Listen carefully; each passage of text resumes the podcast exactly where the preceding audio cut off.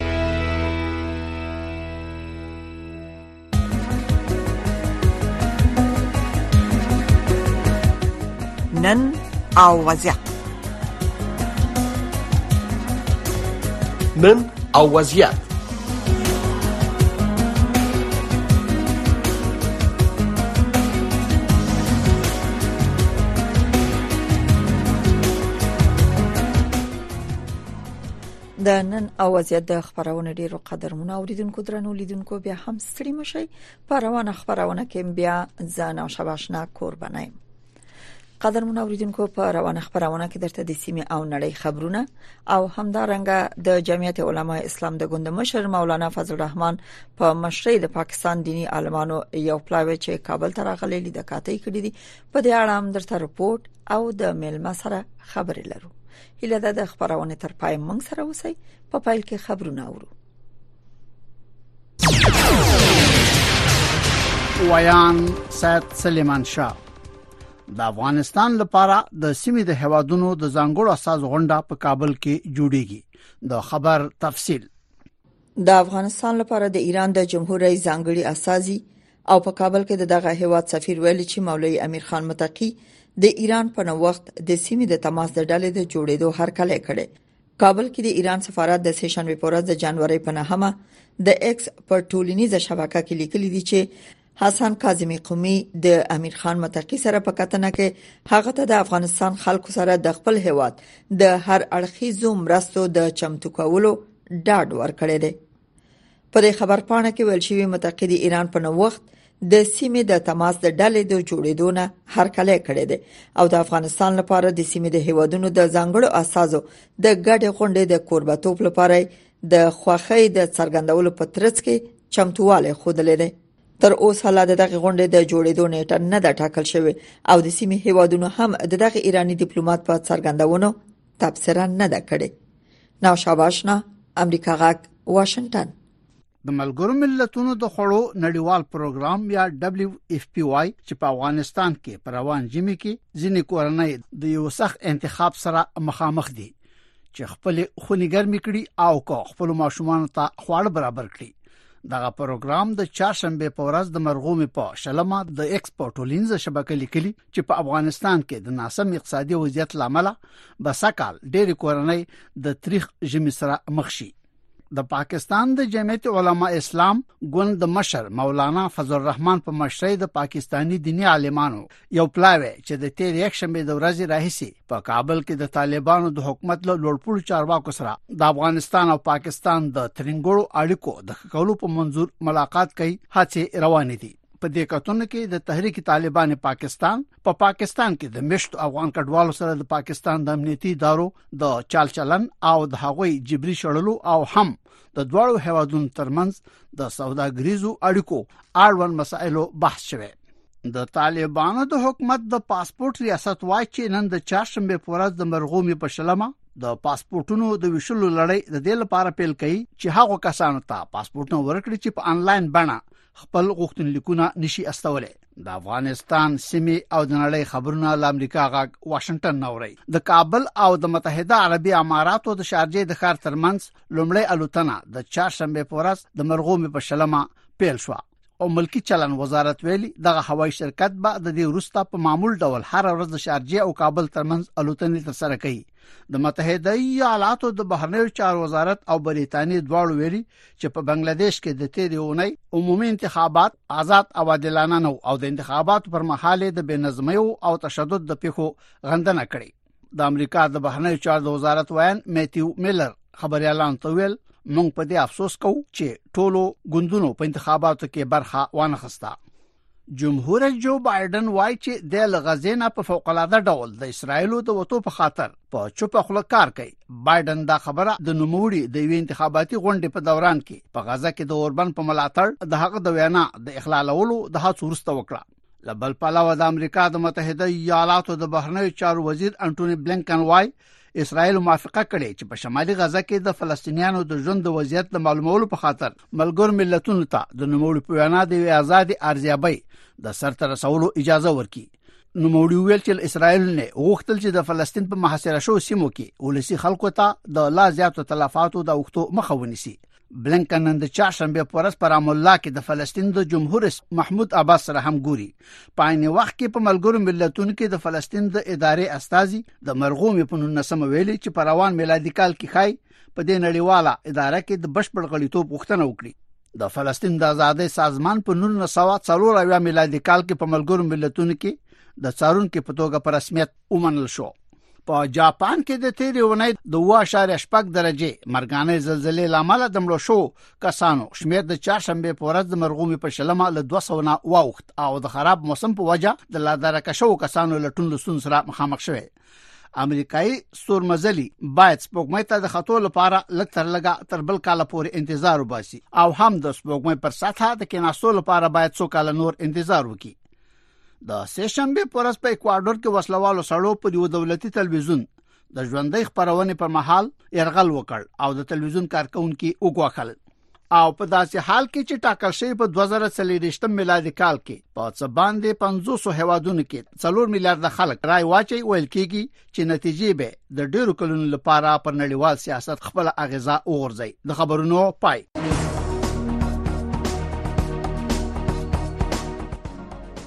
نن او وضعیت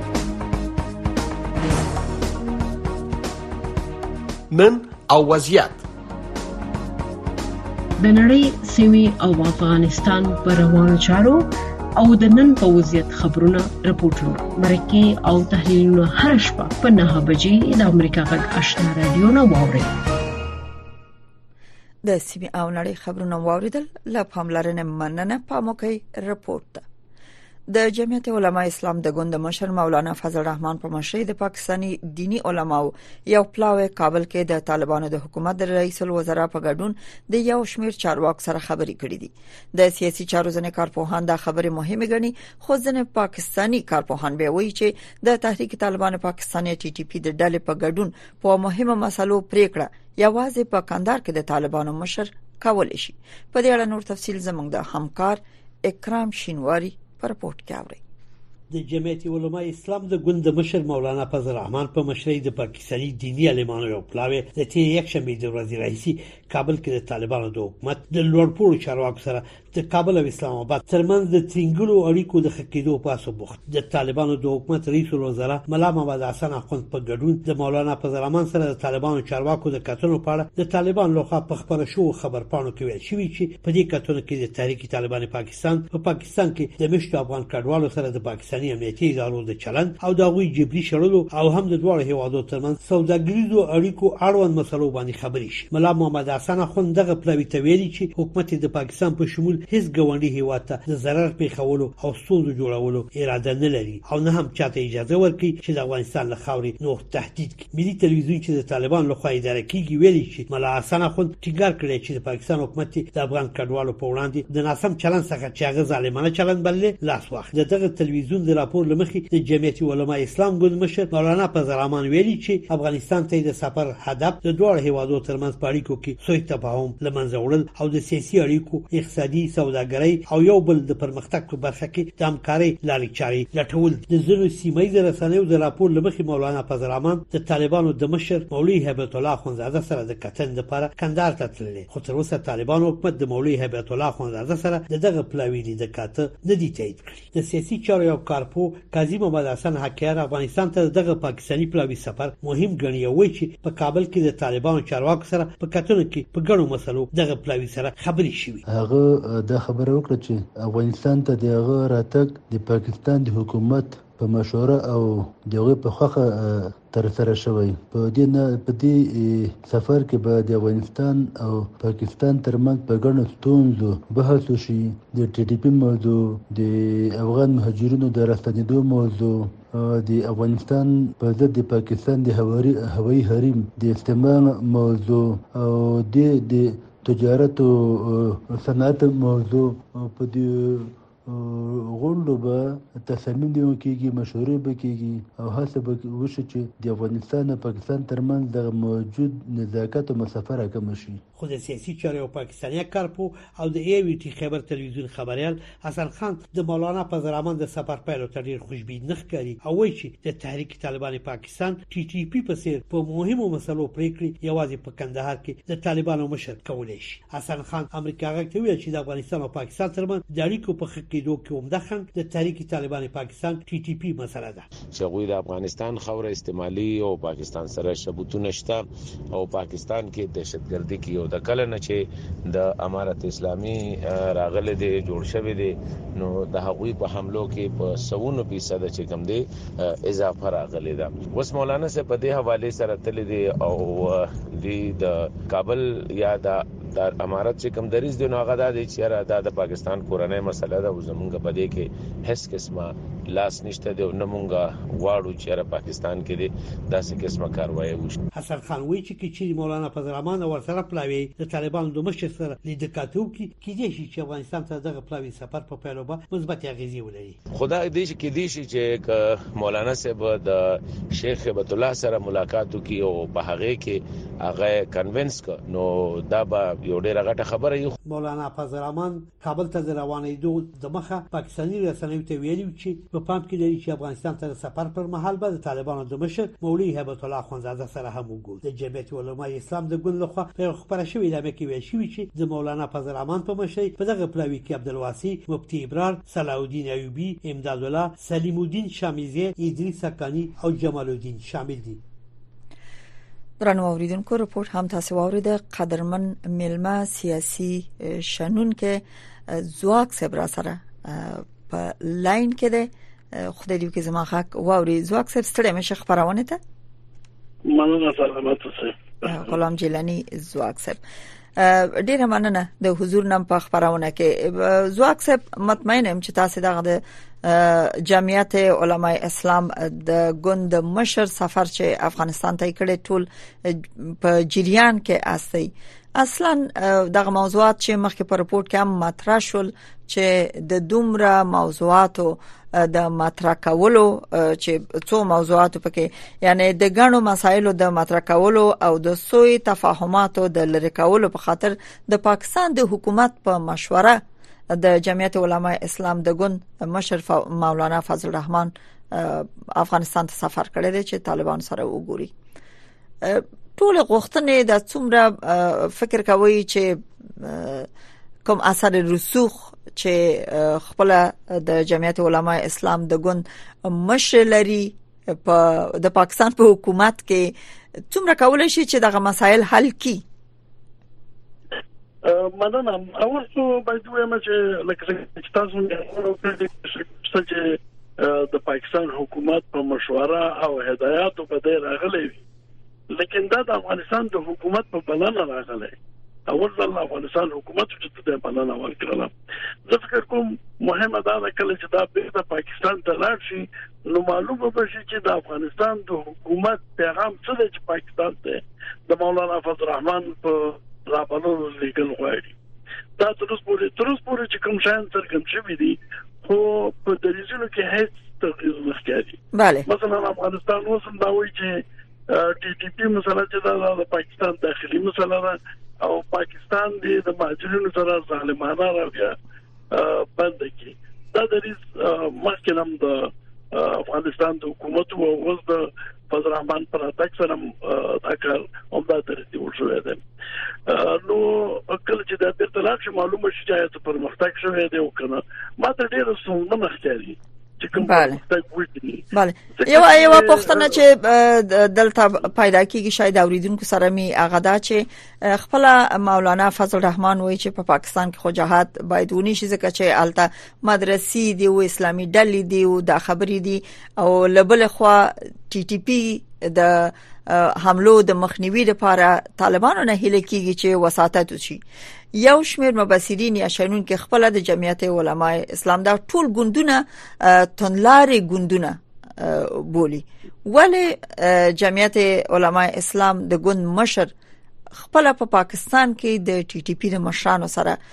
نکینی خبرې نه کوي یا پاکستان حکومت ورته دا مشوره نه ورکوي چې ولې مالته لند په لند د هغه سره خبرې نه کوي چې طالبان باید دا غوي د پاره واسطه کوي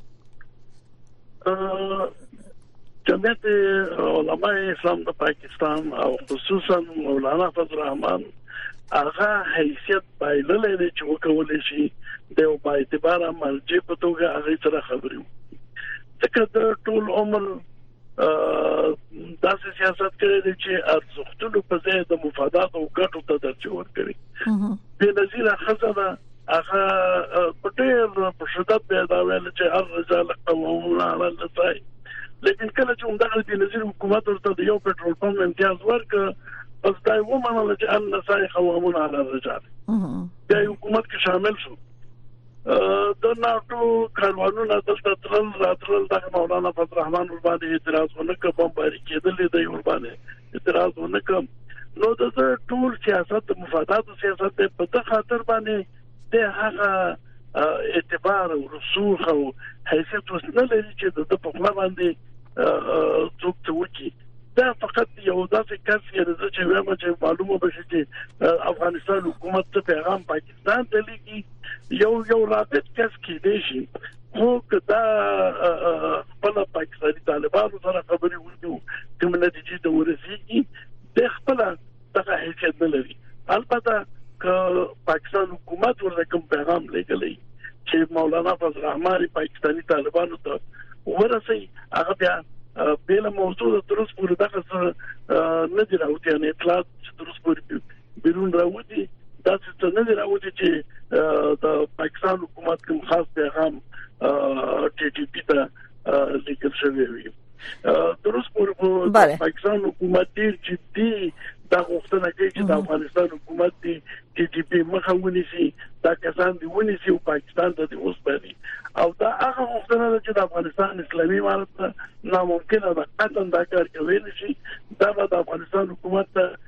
سیاسي امتحان دی چې کټي ډي پی ونیسي او پاکستان ته وسپاري بله تاسو فکر کوئ ځواک صاحب چې د افغانستان نه بعد د طالبانو پیغام څه د جمعیت علما اسلام د ګوند مشر ته چې پاکستان ته ورسې چې تاسو ورته دوه ځله اشاره وکړه څه فکر کوئ څه غوښتنه به ولري څه پیغام به ولري زه فکر کوم چې د اسلامي امارت مقامات غواړي پاکستان په دې پوي کې دا قناعت ورته ورکړي چې کومنګ ټي ټي پی نسو یا د دې په ضد یو جدي اقدام کوو نو د دې نتیجه دا کیږي چې اول خپل د ټي ټي پی یو ډیر شمیر غړي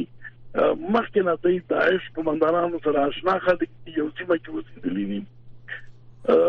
زیاته برخه د دې شاید راشي داعش ته د بل په اړه ټي ټي پی چې د طالبانو سره کلونه کلونه یو ځای په څنګه کې جنگي دي دي مړي ورکړي دي وژل شوی دي سختي ګاللي دي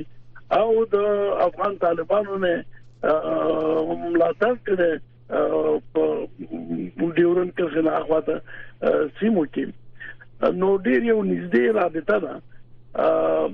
بل د امیر المؤمنین په توګه مکلفیت لري دینی مکلفیت لري د افغانستان حکومت د دې نه ساتنه او وکیو د دې خوندیتوب تضمین کی نو کدا کار نه کیږي کدا کار نه کیږي یو ډیر شمیر خلک په دغه طالبانو کړی یعنی طالبانو دننه کسان به تاسو فکر کوئ چې اسلامي امارات په اسلامي احکاماتو د جهاد په اصول او دغه قرباني چې فیصله دوی ورکړي وکړ هغه ته شاکل لا معاملې وکړل او دا غي په نتیجه کې کېدې چې خپل د طالبانو ډېر شمېر خلک داعش سره یو ځای شي نو دا طالبانو لپاره یو خپسري ده دا ورته د منلو خبره ده دا د یو حالت دی چې کله چې طالبانو سقوط ته زمينه مساعده کی نو فکر کوم چې اسلامي امارات غواړي خپل دغه مجبوریت نه پاکستان اګا کی چې موږ نه غواړو پاکستان ته زیان ورسو او دا یو مشکل شته دی د بل په اړه د دې موقف دغه څه دی چې تاسو وګورئ کله چې فیض حمید راغی دا غن وروسته یو ډیر شمیر ټي ټي پی کسان د ډیورن د کرخي واوښتل حالت حتی په ځینو سیمو کې ښکارا دی ګرځیدل او د د پی ډی آی نه د مختلفو سیاسي رهبرانو نه بعد خپل شروع کړل جواب دی وو پیسې به غوښتلې رسنیو کې د دې گزارشونه شته چې دوی په بازه خستل بله بله ځواک څه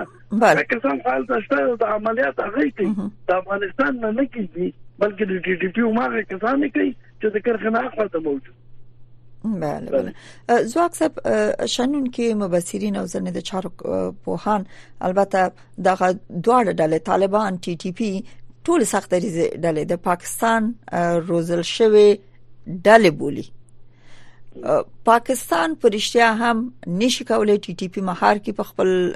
سیمه کې یا په هغه سیمه کې ک طالبان د خپل اهدافو د پرمخ بیولو د پاره یا د خپل اهدافو د پوره کېدو د پاره د خوګي ګوت نه نیسی دی ټي ټي پی په اړه یا رښتیا زور نه رسیږي څه قصه د ساس په نظر افراسیاب خټک چې نږدې نه دغه موضوع تاري او یو سیاستوال دی په اعتبار خپل دغه سینو کې دي هغه په دې اړه وایي چې پاکستان په زور غواړي د منطقه به امن کی یعنی دا کومه لوبه چې پاکستان شروع کړې ده هغه یوازې دا ایله نه چې ټي ډي پی راځي او پاکستان باندې عملیات کوي بلکې دا لوبه په دې شکل روانه کړې ده چې ټي ډي پی جګړې ته اړ کی مجبور شي چې جګړه وکړي خبرې اترې شروع کړې وي حقاني ډلې وساتته کو چې مذاکرات وشو د مذاکراتو د لارې نه پاکستان حکومت او ټي ټي پی او نتیجې ته ورسیږي لیکن ول دغه نوې لوی درسته چې راغله دا فقط د تسلیمېدو خبره کوي د تسلیمېدو خبره معنی دا ده چې جنگ خبره کوي نو د دې کسانو په قول باندې یو سیاسي ورسرون کې د پاکستان نیت دې کې سم نه بني هغه خبره ده نه چې د اشتیا د زګوخ هغه فکر کوي چې او هم دغه ښکاری هم چې دوی د دغه منطقي بیا عمل کولو لپاره د پښتونخوا د بیا عمل کولو لپاره یو پروګرام په لاس کې لري او غواړي چې ټي ټي پی او په دغه مرحله کې د داعش نه په استفادې دا ټول سیمه بیا هم نکی بله یعنی خپل هم پاکستان حکومت هم ټي ټي پی مهارول شي اماده لپاره چې په منطقه کې هم د سور بل وساتي نه غواړي دا واغه بانه کوي صحیح بالکل کچیر ته پاکستان امدا غواړي زدا منطقه کې امدا سه شر او شور جنگ او د جنگ لمبي ای څه فکر کوي چې پاکستان به د دې لمبونه بچ پاتې شي او په دې لمبو کې به پاکستان د جنگ په دې لمبو کې به پاکستان خپل کم هدف تعقیب کی یا ورته به ورسیږي کوم هدف خپل تعقیبول شي چې دا هدف زیاتره د پاکستان نه دی دا هدف د چین او د امریکا د سیالۍ یو برخه ده د چین د سی پیک پروګرام د مخنیوي هدف دی هدف دا دی چې چین چې کوم تحرکات لري اقتصادي د پک پروګرام مخه دلته باید تر څو دا منطقه بیا هم نشي او دا مخه ونیول شي اصل کې از د سیاسي سیالي دغه ګڼل کیږي د عمران خان حکومت هم چې د منځ وړل شو بیا څومره تحلیلګرانو هم فکر کوي چې دا د امریکا او د چین د سیالیو په نتیجه کې د حکومت د منځه ویوړل شو عمران خان حکومت چې هغه د سی پیک پروګرام ته ډیر زیات ځان اړولې وو ډیر مشکلات ورته خلق کړي وو برعکس وس کوم حکومت چې ده هغه امریکا ته نږدې ده امریکا سره اړیکې نږدې دي نو دا دغه سیالیو یو برخه ګڼل کیږي دغه بیا امنیتي چې راول کیږي دا د پاکستان په ځان د پاکستان د ولسونو په ځان ده لیکن هغه رهبری دا د کده پاکستان د پاوز ده او کده پاکستان د سیاسونو ده هغه چې د نورو هیوادونو په ګرو کې هغه چې دریم هیوادونو اکثره رهبری هم دغه سي دي افغانستان پاکستان ډېر هیوادونه دلته د خپل وادو د خپل خلکو منافع نه سنجول کیږي بلکې د دوی شخصي ګټې د کچ په دغه استخباراتي لوبه کې ملیونه ډالر د خلکو د پات کیږي څوک چې دغه لوبه تطبیقي تاسو ګورئ هر پاکستاني جنرال کله چې تقاعد کیږي په ملیونه راوړي اروپا کې ځي ژوند کوي ځکه پاکستان کې وزیدم نشي نو دا دا دا د پاکستان او د منطقې په خلاف خبره ده د دې ولسونو په خلاف خبره ده لیکن یو ستر استخباراتي پروژه ده چې د پاکستان د پوز یو برخه تطبیقول غواړي bale وخت لږ پاتې دی د ورسې پښتنې په توګه که تاسو نه جواب واخلم زواک صاحب تاسو د جمعیت علما اسلام د ګوند مشر مولانا فضل الرحمن وایي چې هغه سر رسوخ چې لاره وسی نه لري او یو غیر محبوب شخص دی اما د ټولو سره چې اوس په یو اجنډا راغله د یو اجنډا سره راغله د پاکستان د حکومت په مشورې چې د طالب مشرانو سره وګوري څه فکر کوي تر اوسه خو د مشر سره کتلم نه دی وای چې مصروف دی ډیر د بوختیا له وجې تیر ورځ خبرو چې ورسره لا نه دی کتلی په داسې حال کې چې ټول اختیار د شنونکو له نظر چې امغه د قندهار په قندهار کې د طالبانو د مشر سره ده دغه سفر به څه ګټه ولري افغانستان او پاکستان ته د فکر نه کوم د فکر نه کوم چې دغه سفر کوم ډیر څرګند تغییر راولي په وضعیت کې دا خبرم کول غواړم چې د ټي ټي پی په ارتباط درسته ده چې ټول واک لا سره د عدالت المؤمنین په توګه لیکن ټي ټي پی حقاني د سره ډیره نږدې ده نسبت د قندال د حاکمانو سره یا بنې بل اخره خو مشر آلته د تصمیم به نهایی اغوي نیسی بالکل بالکل لیکن لیکن دغه حقاني ډلې ملاتړ د ټي ټي پی نه دا هم یو اهمیت لري یعنی موږ کاملا نشو ویل چې دا حقاني ډله نو هیڅ نه ده او دا د غي ملاتړ هیڅ ارزښت نه لري دا د سلام باید په محاسبو کې په نظر کې ولرو لیکن درسته ده ما مخکې ویلي چې کله چې فضل الرحمن پاکستان ته لاړ شي نو معلوم به شي چې هبت الله پیغام څه دی پاکستان ته ته ورته ویلي دي دغه اخرنه پیغام شاید فکر کوم هم دغه هبت الله ورته ورکړي دا اخرنه پیغام وي او د افغانستان د حکومت هغه جدي دریځ به هم دغه چې هبت الله د مولانا فضل الرحمن په لاس پاکستان ته کې دي شي ولېږي نو هغه اهمیت لري خو لا تر اوسه پورې دا چې څه ده دا معلومه نه ده زه ډیر زیات دغه احتمال نه ګڼم چې هبت الله د ټي ټي پی باندې کومې معاملې ته حاضر شي کدا کارو شي دا به د اسلامي امارت حیثیت په خپل طالبانو منځ کې د منځ ویسي او د داعش د قوي کېدو لپاره زمينه مساعده کړي سیاسي مبصر غلام جیلانی زواک صاحب ډیر مننه چې په روان بحث کې مګډون وکړ او د جمعیت علما اسلام د ګوند مشر مولانا فضل الرحمن سفر چې افغانستان ته کړو په دې اړه ځنې پوښتنه جواب کړې ساسو د کور ودانې قدرمن اوریدونکو تاسو نن ډیره مننه چې حوصله مو کړه د امریکا غږ آشنا رادیو خبرونه اوري او ګوري کورم ودان درنو اوریدونکو خبرونه په همدې ځای پای ته رسیدي الله ملشه له ادمه واسي چې په څو لاندې شیبو کې صداي شما یا ستاسو غږ خبرونه پیلېږي نو فکر وکړئ چې د کوم موضوعات سره تاسو باید په خبرونه کې ګډون وکړئ